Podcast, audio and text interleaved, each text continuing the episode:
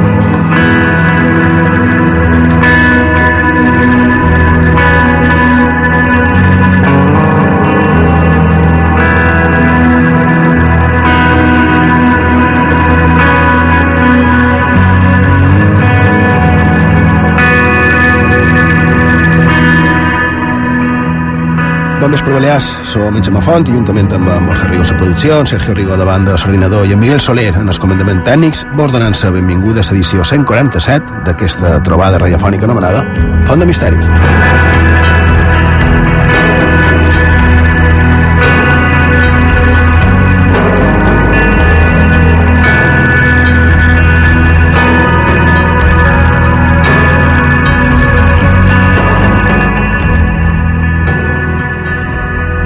Tornant-se aquí una setmana més a IB3 Ràdio, la ràdio pública a les Illes Balears.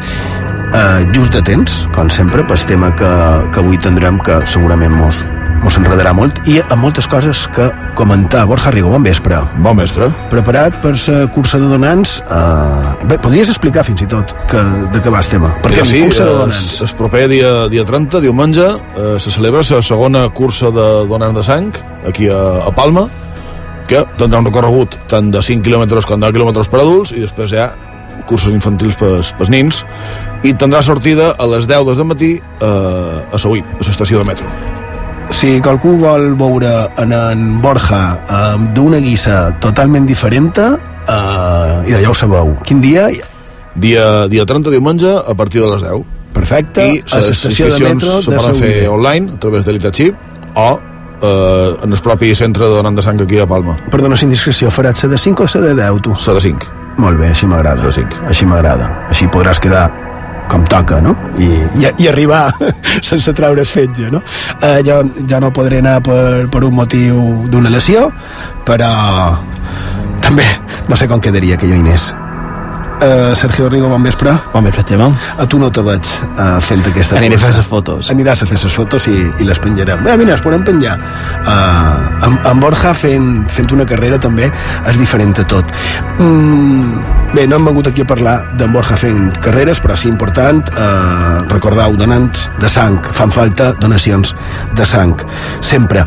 Un tema d'aquesta setmana que avui està a sobre és el tema de uh, teories conspiranoiques la ExoMars, aquesta eh, missió europea cap a Mars i mm, aquesta dubte que va sorgir de per què els darrers segons aquest mòdul que havia de cercar vida a, a Mars no, no l'ha trobada no? No, no, no, per què va desaparèixer eh, inicialment aquest, aquest mòdul Només dic que fins ara l'explicació oficial és que se va perdre el contacte. Sí, bé, ja ho veurem. Ja eh? està. Però vull, vull fer una ressenya damunt d'això perquè se'n parlarà, se'n parlarà d'això i una altra que me va sorprendre. Com així, en el principi, i només diré això, eh, aquestes, eh, aquesta desgràcia, perquè va haver víctimes a BASF, aquesta eh, indústria química alemanya amb explosions i en, amb, amb, amb un final tràgic, evidentment.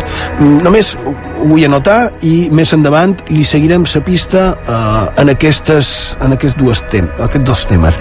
Ara, de moment, si vos sembla, fem el sumari i tirem cap endavant. I en aquest programa 147 de Font de Misteris, les dones tornen a ser les protagonistes del programa. Xerrarem amb la doctora en Història Antiga, Ana Vázquez Ois, sobre el seu nou curs anomenat Dones amb nom propi en el món antic, i dels quals coneixerem més detalls en una estona i que se farà aquí a Palma.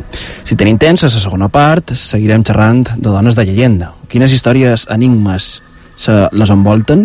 Finalment coneixerem l'actualitat d'aquests darrers dies, al món diversos, i llegirem qualcun dels missatges que fan arribar els oients a la secció de xarxes socials. I doncs, si vols, anem, anem per feines, dius com poden contactar amb nosaltres, quines són les formes de contacte i directament, si en cas començam. I d'allò sou, des d'aquest moment, tenim les formes de contacte obertes amb el programa, ens podeu enviar tot allò que vulgueu a Facebook i Twitter cercant Font de Misteris. També podeu fer en el WhatsApp del programa. El número és 659 16 69 52. Ho repetim, 659 16 69 52. Si ho preferiu, ens podeu fer arribar els vostres missatges en el mail fontdemisteris arroba ivetresradio.com. Per acabar, vos recordem també que ens podeu seguir a Instagram cercant Font de Misteris IB3, a Periscope i a nostre web fontdemisteris.com.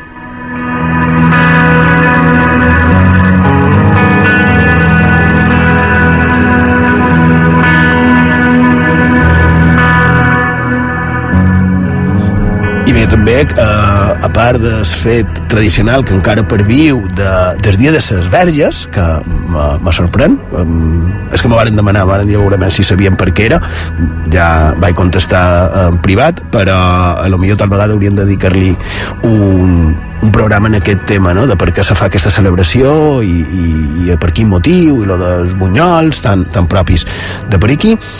I també, a la vegada, el dia 20, eh, pels que amam la ràdio, pels que amam el misteri, pels que amam eh, la història, és un dia trist perquè eh, fa 9 anys, enguany ha fet 9 anys de, de la mort de, de Juan Antonio Cebrián, Borja.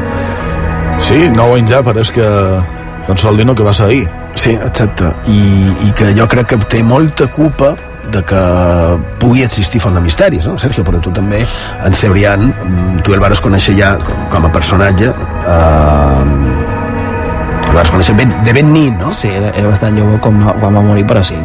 I, i també s'ha de, de recordar que el manco dins el món dels programes de, de, misteri, de misteri segurament el començament d'un programa més trist i, i més assolidor probablement va ser eh, el començament del programa en el qual s'anunciava la mort d'en Cebrià. No sé si ho recordeu. Ho, que sí. ho record perfectament però perfectament ho record en aquell moment estava eh, a la programació radiofònica estava La Rosa de los Vientos de Juan Antonio Cebrián i estava Milenio 3 de Níker Jiménez i me'n record perfectament i a més també Níker que, que tampoc se podria venir perquè bé, bé.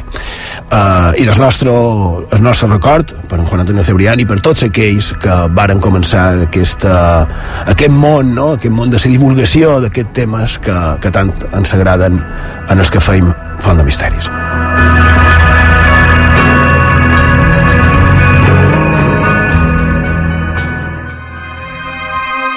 On la història es torna llegenda a on el més quotidià es torna màgic. Acompanya'ns a la nostra font de misteris a IB3 Ràdio.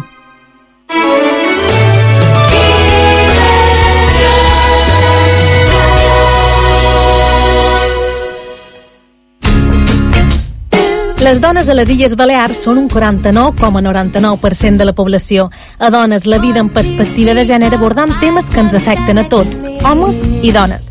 Parlam de poder, d'urbanisme, de viatges, de la cura, de la pornografia, la violència o del masclisme. 60 minuts cada setmana per ampliar la nostra mirada. Dones, la vida en perspectiva de gènere. Dimecres, a les 6 del cap vespre, a IB3 Ràdio. De veres, això és el que més t'agrada. Eh, tant és que ho facis amb passió, desenfrenada, sense amor.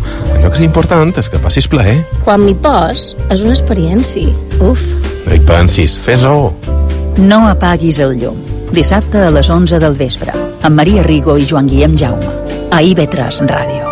Seny, Maria. Deixa'm un poquet. L'actualitat de les illes i les veus dels seus protagonistes. Una visió plural del món que tenim més a prop. Cada matí, de dilluns a divendres, entre les 9 i la 1, ens posam al dia.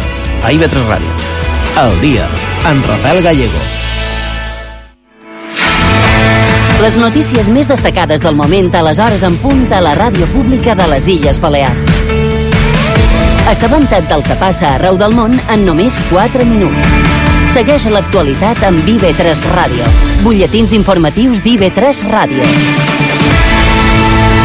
Independència, rigor, proximitat. IB3 Ràdio t'ofereix la millor qualitat de recepció. Sintonitza la ràdio pública de les Illes Balears. A Eivissa i Formentera, 93.7. Misteris i llegendes a Font de Misteris, amb Xema Font.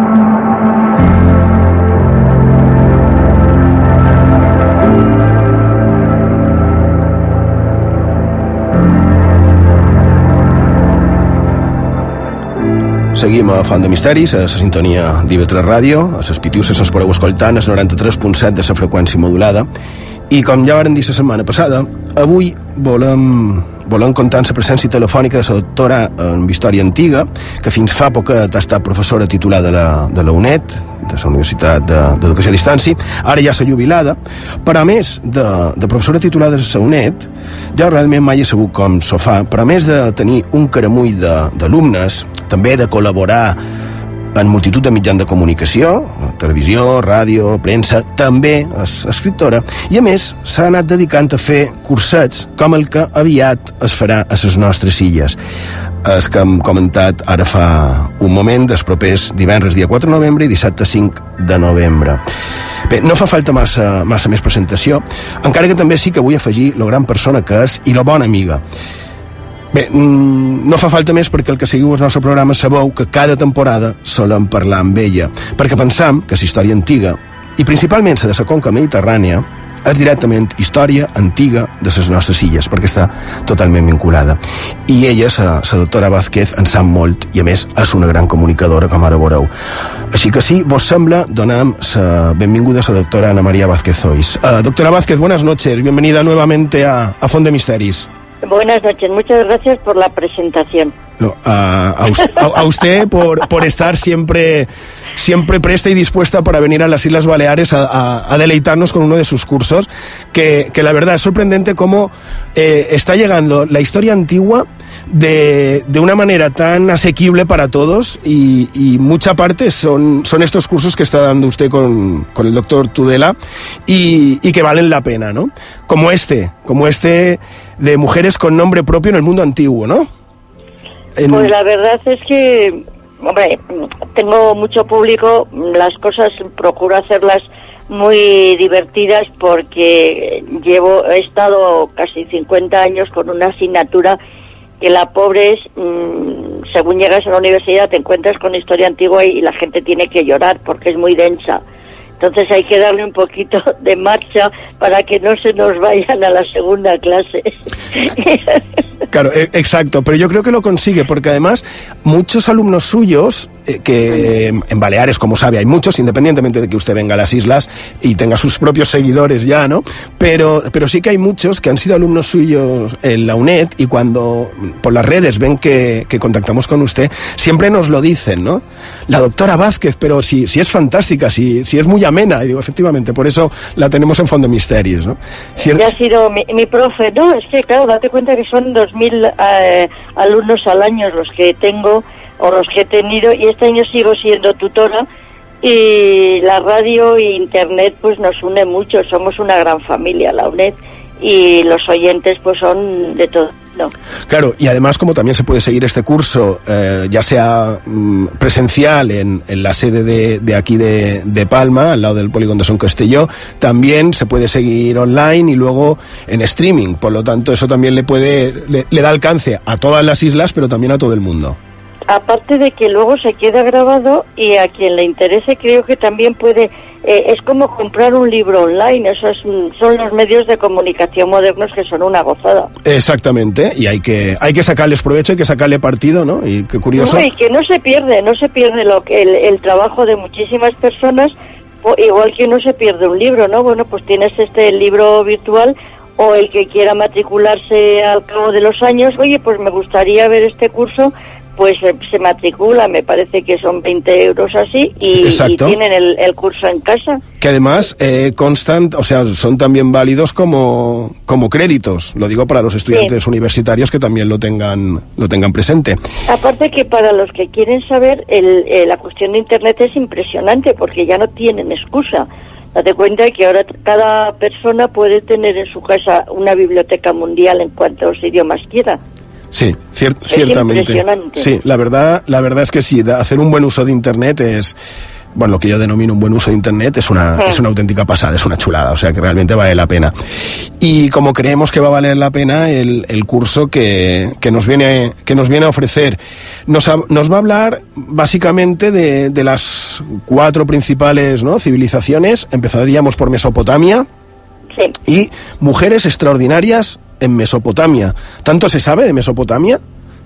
De, de Mesopotamia se sabe muchísimo y además bueno, los que sabemos de ella y los que la hemos estudiado, ¿no? Pero suele ser la gran desconocida. Lo que más se conoce normalmente pues es Babilonia, porque ha pasado pues a las óperas, a las canciones y tal, ¿no?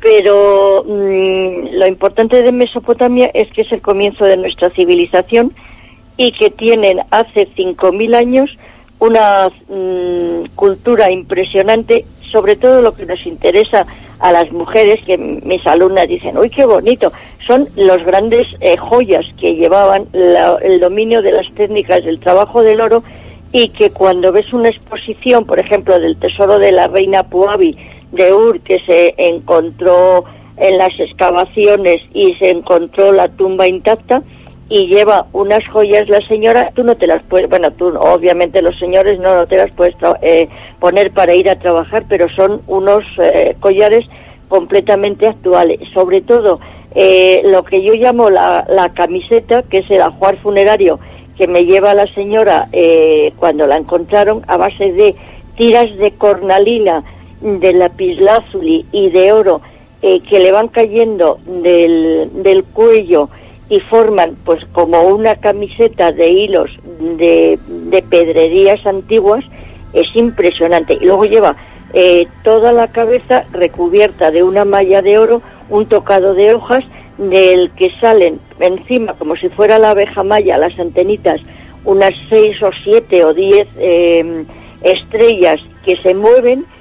Y bueno y de la, debajo tiene unas estrellas también de esmaltes que es una preciosidad obviamente no es ponible, me explico, menos para ir a la oficina o ir en el metro. no, Pero es, es verdad. Que, ya, que, es ya, verdad. que llama la atención a todas las señoras unos pendientes, vamos, que directamente te quedas sin, sin, sin orejas y te pones eso, tenía que ir colgado, ¿no?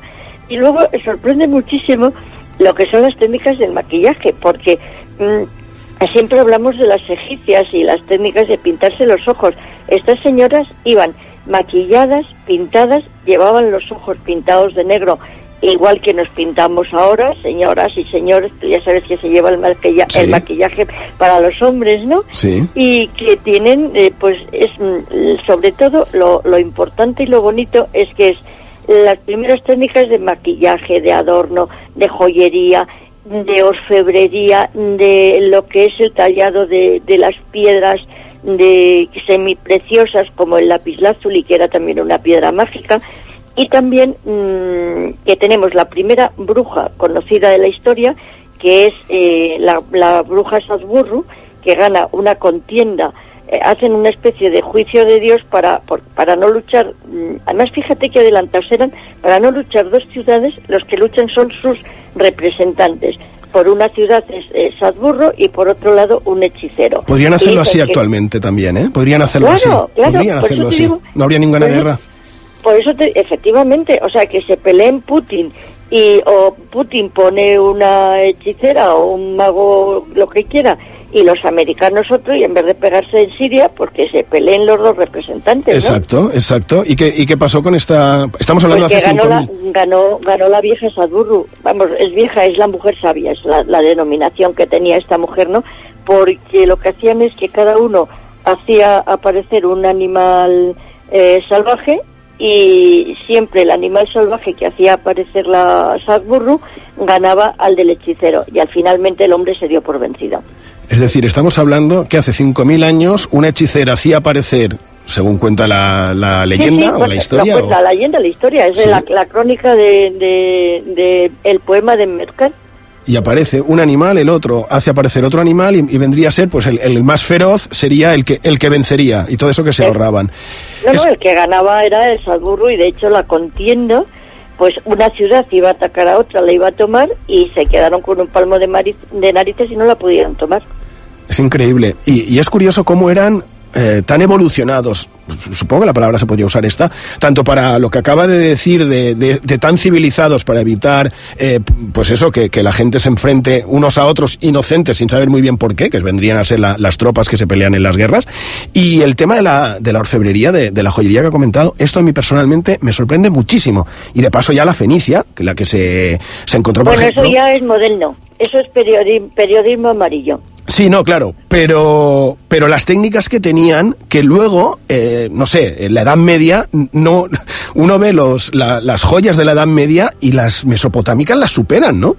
Pues sobre todo, date cuenta que siempre dicen, no, es que con las técnicas que tenían, pero vamos a ver, usted ve la pieza, usted no puede saber qué, qué, qué materiales tenían, ni lo que utilizaban, ni cómo lo utilizaban. Y luego, aparte de lo que te estoy hablando de la joyería, tenemos en el 2334 más o menos, es decir, en el 2300 y pico, la primera escritora de la historia, querido.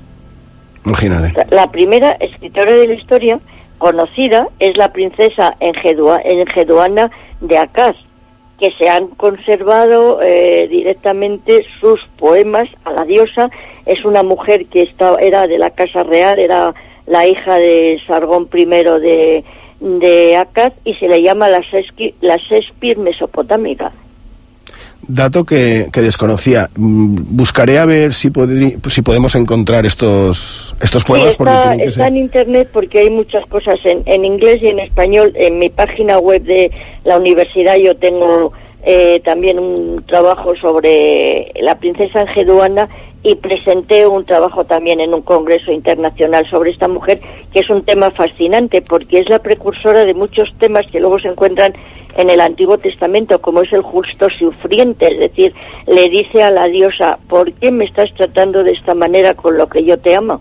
Es un poema de amor dirigido a la diosa, ella es una gran sacerdotisa del dios de la, una, de, la luna, es mm, Sargón, se dedicaba a controlar las ciudades-estado que había tomado por medio de el poder político que tenían estas mujeres y de hecho en esta dinastía lo que hay son princesas que están puestas que pues como cardenales vamos a para que se entienda en estos mm. momentos de los diferentes templos que eran tenía muchísima importancia pues precisamente eh, muchas cosas tenemos que aprender de, de, Mesopotamia, está clarísimo. Muy interesante porque además son datos que yo creo que eh, en general desconocemos, ¿no? Por lo tanto, muy interesante. Esta será la primera eh, charla que dará usted el viernes de cuatro y media a siete.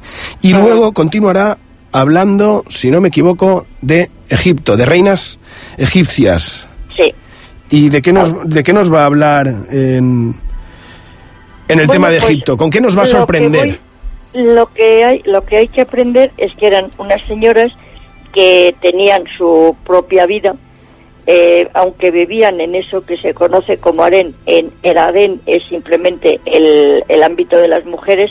Un harén podía ser, por ejemplo, una ciudad pues como eh, Mallorca o con mayor que, que Ciudadela. O sea, son eh, grandes ámbitos donde la gente no estaba jamás recluida, simplemente se tenía un ámbito diferente de actuación, tanto política como religiosa o cultural e incluso doméstica, ¿no? Entonces el ámbito de los hombres era, eh, digamos, el que más se ve porque era el más espectacular políticamente, digamos que el que salía en los periódicos mm. de la época, entre mm. comillas, sí, obviamente sí. no tenían periódicos, Claro, no, pero alguien dice, no, es que la doctora Vázquez habla de periódicos. Vamos a ver, estoy haciendo comparaciones claro. para que usted entienda lo que estoy hablando, ¿no? Claro. Pero eh, tenían, por ejemplo, eh, gran papel político y de hecho se conocen reinas egipcias, primero que eran faraón, porque el término faraón alude a persona.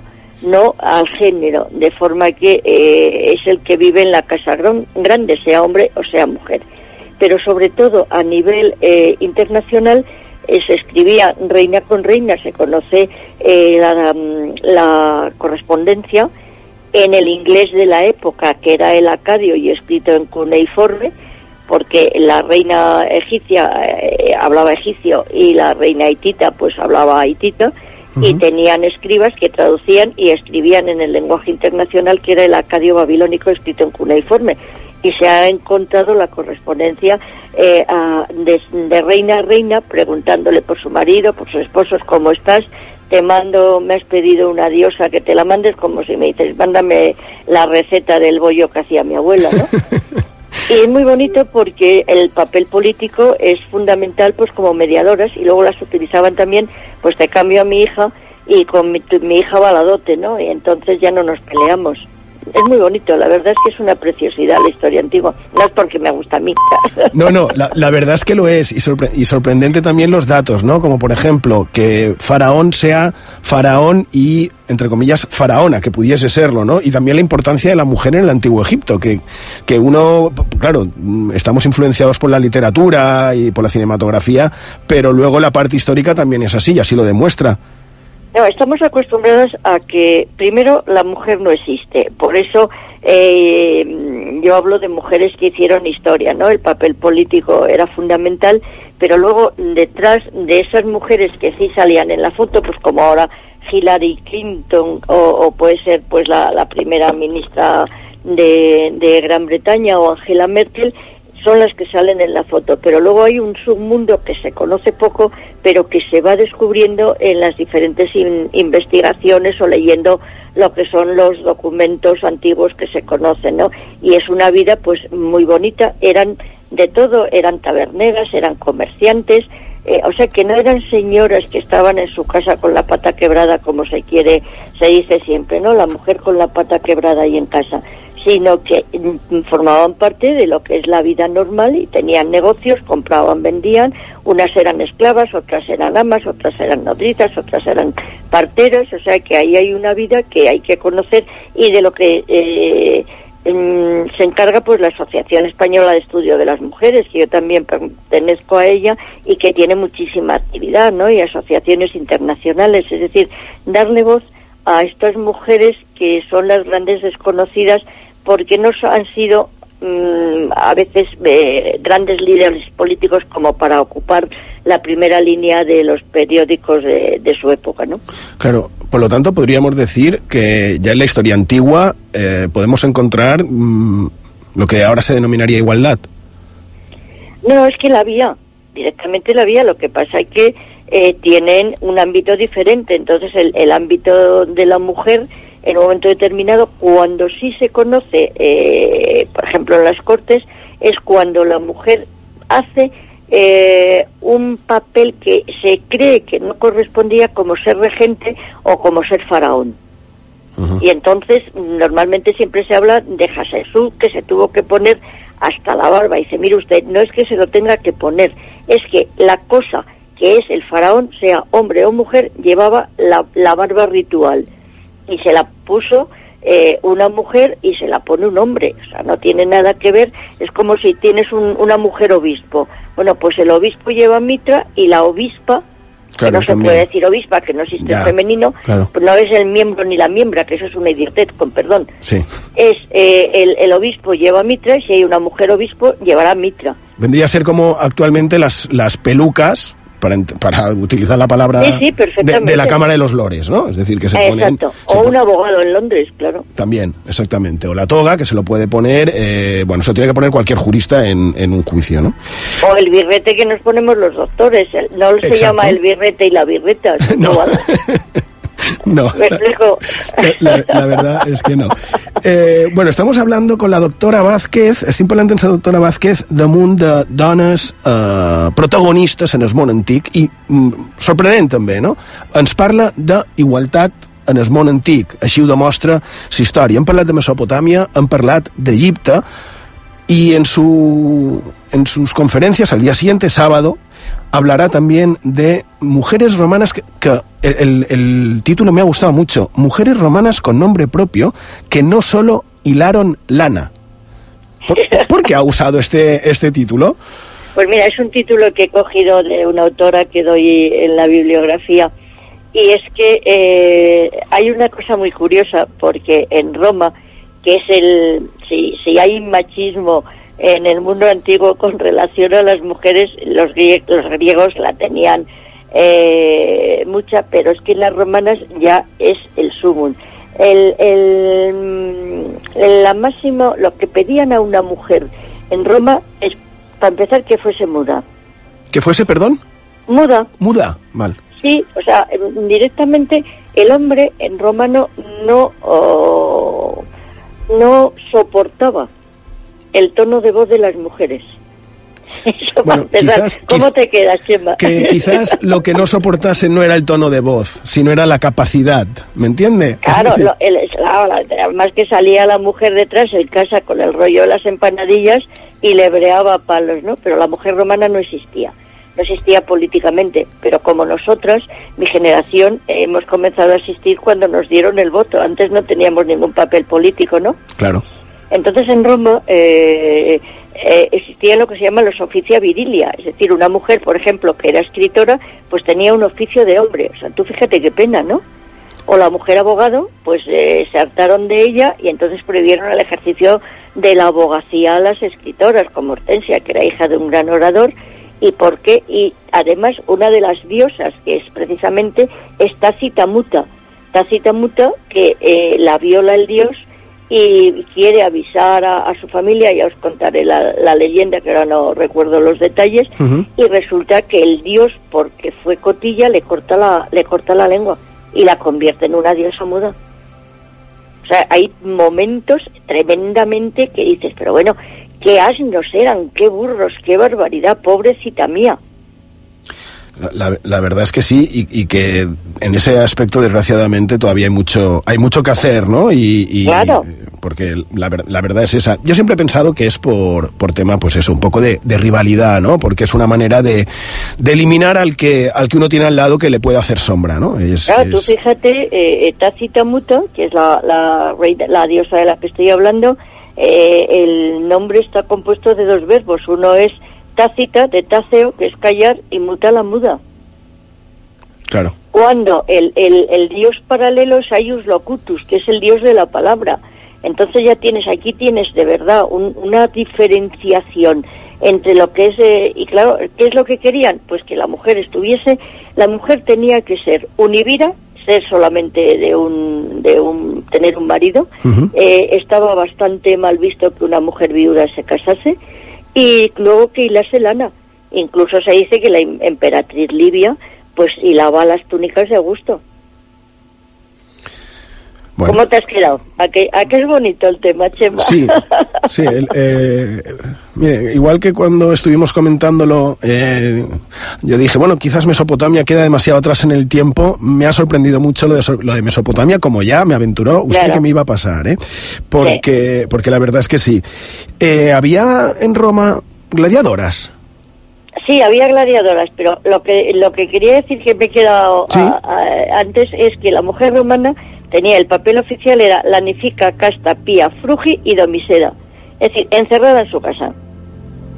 Pero luego en casas eh, había un, un, matriarcado, como podía haber, en, por ejemplo, en, Hombre, la, en Baleares había. Existi, siempre ha existido el matriarcado, es decir, bueno, hay mujeres eh, romanas que sí eh, han salido, por ejemplo, las, las, mujeres de Augusto, que ya hablaré de ellas también, sí. o tenemos, por ejemplo, a Sulpicia, la escritora, eh, que son la Cornelia, la madre de los Graco, es decir, hay mujeres que eh, directamente pues han salido en la historia, como Tarpeya la traidora, pero eh, o la madre y la mujer de, Coriolano que consiguieron que no destruyese Roma, es decir, hay unas mujeres impresionantes, pero mm, por ejemplo las abogadas, Amesia, Hortensia, Afrania, hay tres, hay tres, o sea, pero dices, pero bueno, ¿y cómo es posible esto, no?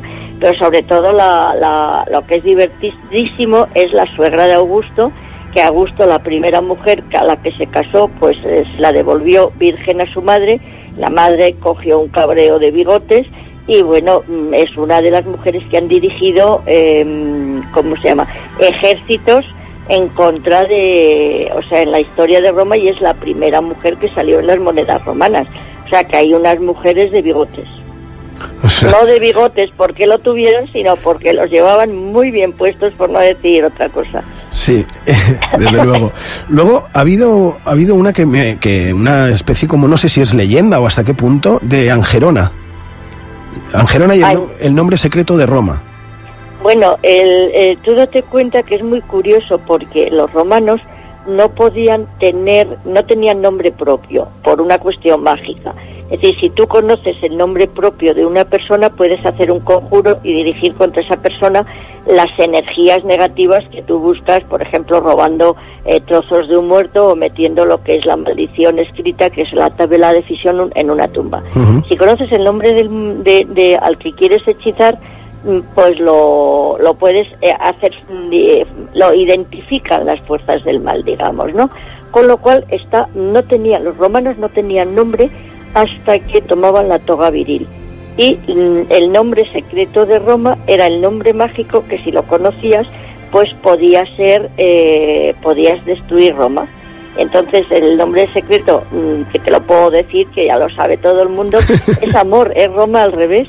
Es ah. curioso, es la magia de la inversión. Anda. Claro, si es que hay que escuchar a la doctora Vázquez para enterarse de los cotilleos. Sí, sí. A lo mejor eh, Santiago Auserón en su canción, ¿no? decía, al derecho dice Roma y al revés dice amor. Igual le, le, escuchó. Curioso esta, esta parte. Además también como un gran imperio, ahí sí que no hay, no hay duda como fue el de Roma, ¿Cómo podía ser que creyese tanto en, en, la, en la, magia, ¿no? en, el, en el misterio, en, en este mundo fantástico de, de leyenda? ¿no? Que... El, eh, no es que creyese, es que es eh, algo oficial y consustancial, es decir, el, la civilización romana pues era tremendamente supersticiosa, pero exactamente igual que ahora, es decir, yo veo un gato negro y cruzo los dedos y dice, yo estoy supersticiosa, y digo, uy, no te lo puedes imaginar pero porque es de lo que yo he estudiado, ¿no? Entonces, cuando me dicen, ¿lleva usted algún amuleto? Digo, pues sí, todas las joyas que llevamos colgadas normalmente son amuletos, lo que pasa que han perdido esa, esa connotación, ¿no? Pero en Roma, si eh, había un mal auspicio de que era mirar las aves, pues entonces el ejército podía no salir, o si un magistrado subía a hacer un, un rito para consagrar el ejército antes de ir a la batalla, y tropezaba o estornudaba, pues el ejército no salía. Fíjese. Y... No, es, no es superstición, es directamente que creían eso, tremendo respeto a los dioses. Porque claro, nosotros, eh, el, cristianismo convirtió en supersticiones lo que era el temor y el respeto a los dioses de la antigüedad.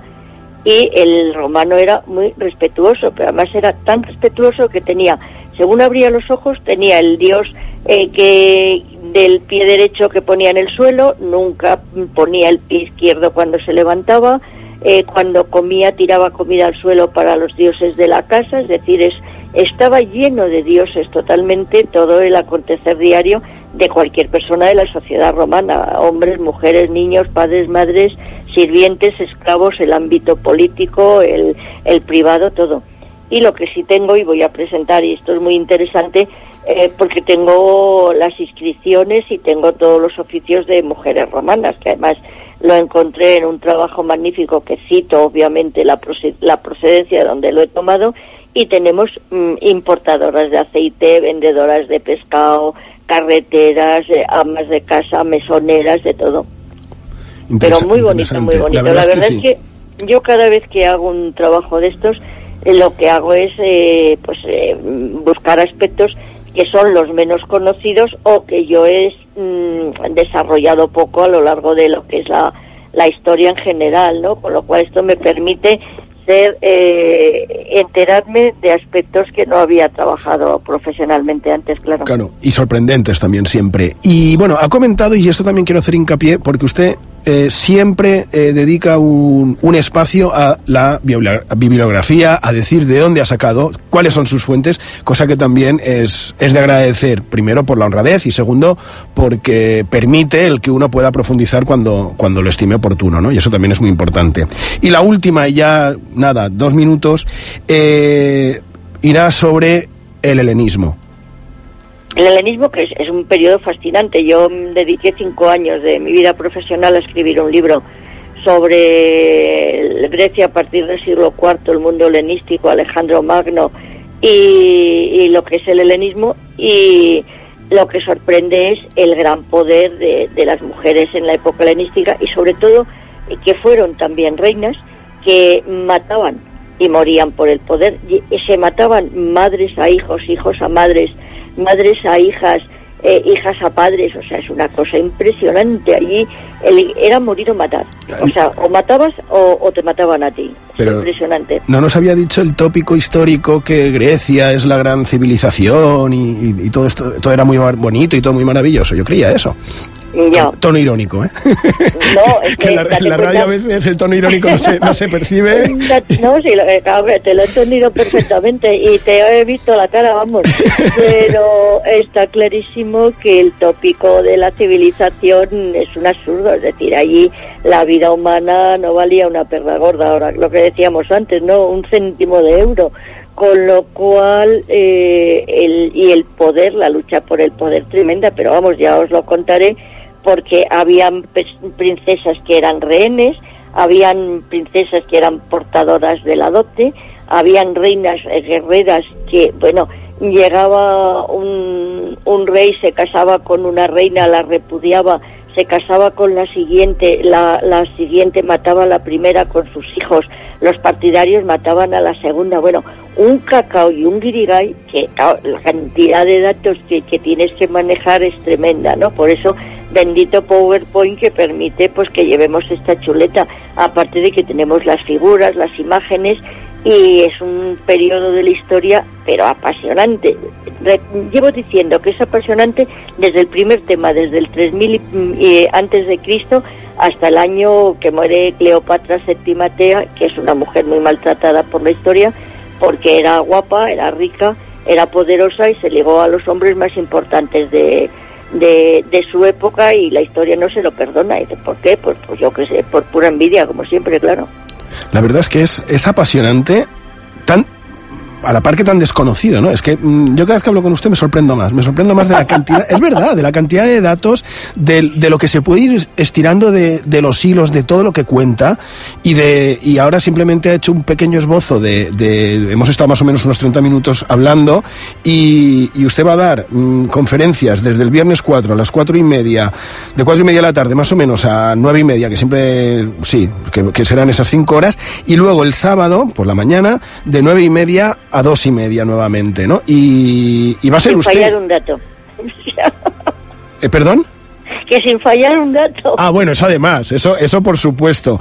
Pero, pero la verdad es que ya tenemos ganas. Y ha hablado de, del helenismo, que hemos hablado muy poquito, ya profundizaremos cuando vayamos a verla a, a la sede de la UNED de los Sillas Baleas en Palma, pero ha citado a Alejandro Magno y mm. me han informado que todavía no está confirmado al 100%, pero que próximamente también la vamos a volver a tener por las islas por Alejandro Magno, cosa que además nos apasiona. Borja, que por cierto no les ha saludado, Borja Sergio Uriuda, saluda a doctora. Muy buena, hola, hola, ¿qué tal? Sí está confirmado Alejandro, ¿eh? ya tengo hasta los billetes de avión, o sea, aquí está todo arreglado ya. Pues qué bien, porque además es un personaje que tanto a, Borja, Sergio, como a, a, Óscar Amores, que es un colaborador nuestro, nos apasiona y, y, como nos apasiona lo que usted hace, pues estamos encantados, estamos como, como decía Juan Antonio Cebrián, felices como perdices, ¿no? Ahora que se cumple el noveno aniversario lombrices, como, como, como, lombrices, perdón. Feliz sí. con lombriz. Exactamente, sí, fuerza y honor. Eh, por cierto, que está usted ahora colaborando también en La Rosa de los Vientos, que me lo ha dicho un sí, pajarito. estoy metiendo caña también, que nos reímos mucho con Silvia y, y Bruno.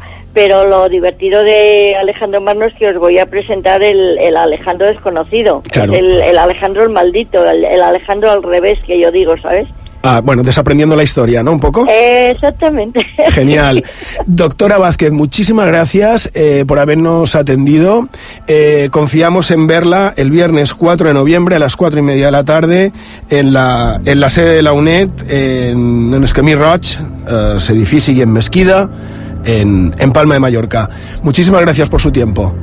Y a, por el vuestro, muchísimas gracias y gracias por el, los cariños que me tenéis y el cariño que os tengo yo a todos. Muchísimas a gracias. ti y a las Islas Baleares en particular y a todos los alumnos que nos siguen, claro. Lo sé. Muchísimas gracias, doctora Vázquez. Cuídese mucho y hasta muy pronto. Adiós, muchas gracias. Un saludo. A usted.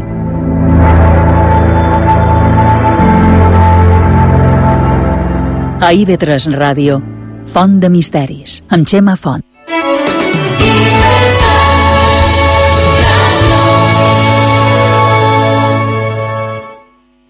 Múltiplex.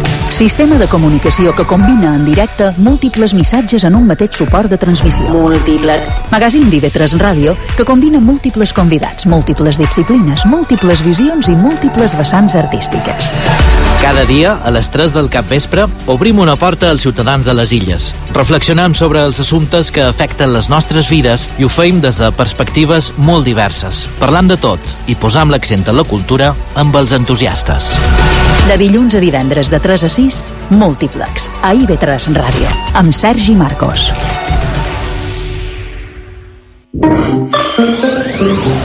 Arriba a ib3musica.com Tots els continguts musicals d'IB3 Ràdio al teu abast. Amb ib3musica.com et serà més fàcil conèixer les notícies del món musical illenc, l'agenda de concerts i les darreres novetats discogràfiques de les illes. I a més, continguts extras.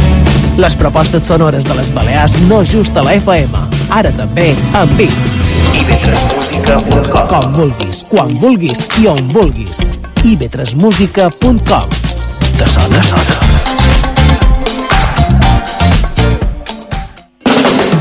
IB3 Ràdio t'ofereix la millor qualitat de recepció. Sintonitza la ràdio pública de les Illes Balears. Alcúdia, 89.2. Misteris i llegendes a Font de Misteris, amb Xema Font.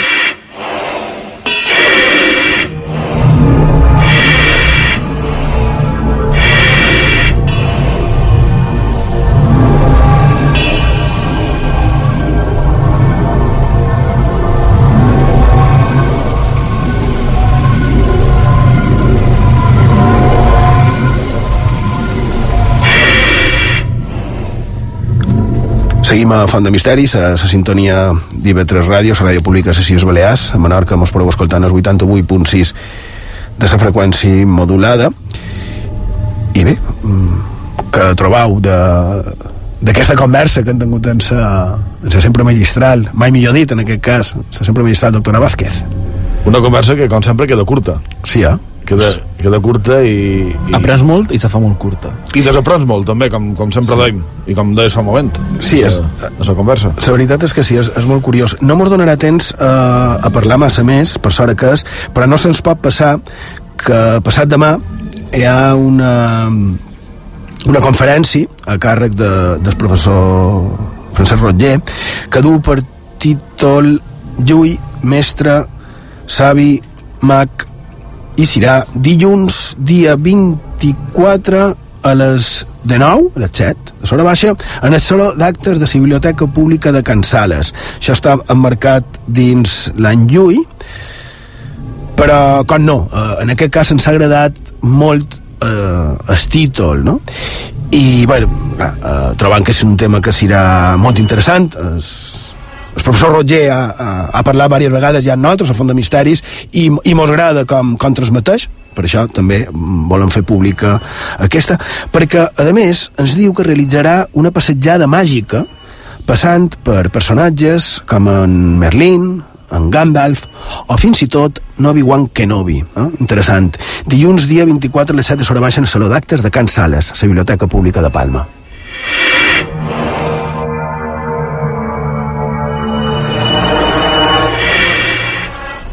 Sí, formes de contacte i, i partim. M'ha recordat el títol aquest a lo que ens va parlar es, aquell sacerdot catòlic que va venir, el pare Toni Cabrera, de, de quan va parlar de, precisament d'un tema molt semblant. No?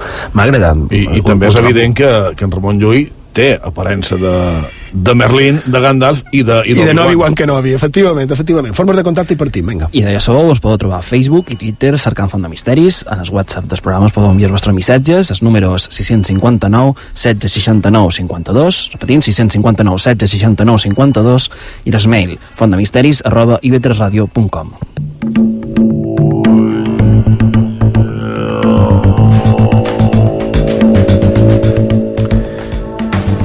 idò hem arribat a la fi del programa d'avui. Esperem que hagueu passat una estona agradable i que hagueu pogut treure qualque cosa de profit d'aquesta font de misteris. I bé, a part de, dels temps que li dedicàrem a la darrera edició de Font de Misteris, es, en el programa normalment acostumam a, a comentar notícies, solem comentar fets que estan previst que passin i també agenda, hem fet ara mateix de, de les nostres illes, relacionades sempre amb els continguts del programa. I per això se'm ve al cap que massa sovint veiem també en els diaris que, que també que surtin els diaris quinassos, però principalment sabeu a les xarxes autèntics fakes, no?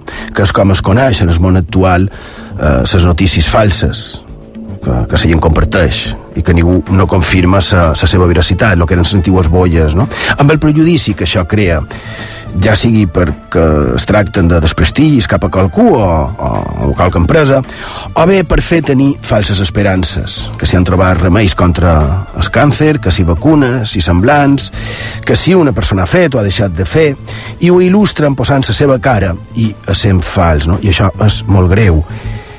Hi ha molt de casos inventats que al darrere pot haver gent a la que pugui influir, no? Falsos testimonis, falses notícies que ningú no confirma i que normalment són fàcils de contrastar, però no acostumam a fer-ho, no? Directament li donam a compartir a les xarxes amb el risc que suposa, però que no valoram. Les xarxes estan molt bé, internet és una gran eina, com hem dit avui, però els falsos rumors, les bolles i semblant, que podrien quedar en situacions anecdòtiques, es poden convertir en malsons per molta de gent, simplement per no contrastar.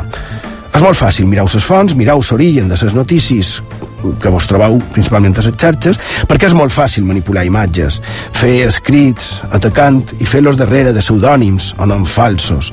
Per això avui, a les utopies de gairebé la mitjanit del dissabte i vetre ràdio, m'agradaria que fessin una mena d'exercici de responsabilitat damunt d'aquestes notícies falses que prenem com a certes, perquè si no, poden córrer risc, primer de caure amb una desinformació total, una ignorància absoluta, però també el risc de que, per exemple, qualcú no prengui mides contra la terrible sida, perquè ha vist a internet que hi ha una vacuna. Així que anem alerta. Podem ser causant de desgràcies. Me ve el cap, per exemple, me sap molt de greu, un ensinistrador d'animals el que van acusar de maltractament, amb un final d'allò més tràgic i que ja no pot defensar-se. Tant de casos que amb un pot de responsabilitat, amb un pot de seny, s'haurien pogut evitar. Així que no ajudem a confondre, siguem seriosos i mirem de comprovar abans de compartir i abans de fer difusió de segons quines notícies o publicacions. No sigui cosa que, com en el poema d'en Alberti, per anar al nord, anem al sud, que pensem que el blat és saigo, que la mar és el cel, que la missa matinada o que la, la calor sigui la nevada. Avui, per acomiadar-nos, s'han triat precisament la cançó de 1968 d'en Serrat, on es fa una versió d'aquest poema de l'Alberti. Un poema escrit poc després de la seva estada a Eivissa, quan va començar la Guerra Civil. Sa Paloma, Joan Manuel Serrat. Hagi Pau, bona nit. Gràcies per la vostra companyia i fins la setmana que ve. Se equivocó la paloma, se equivocaba ir al norte fue al sur, creyó que el trigo era agua, se equivocaba.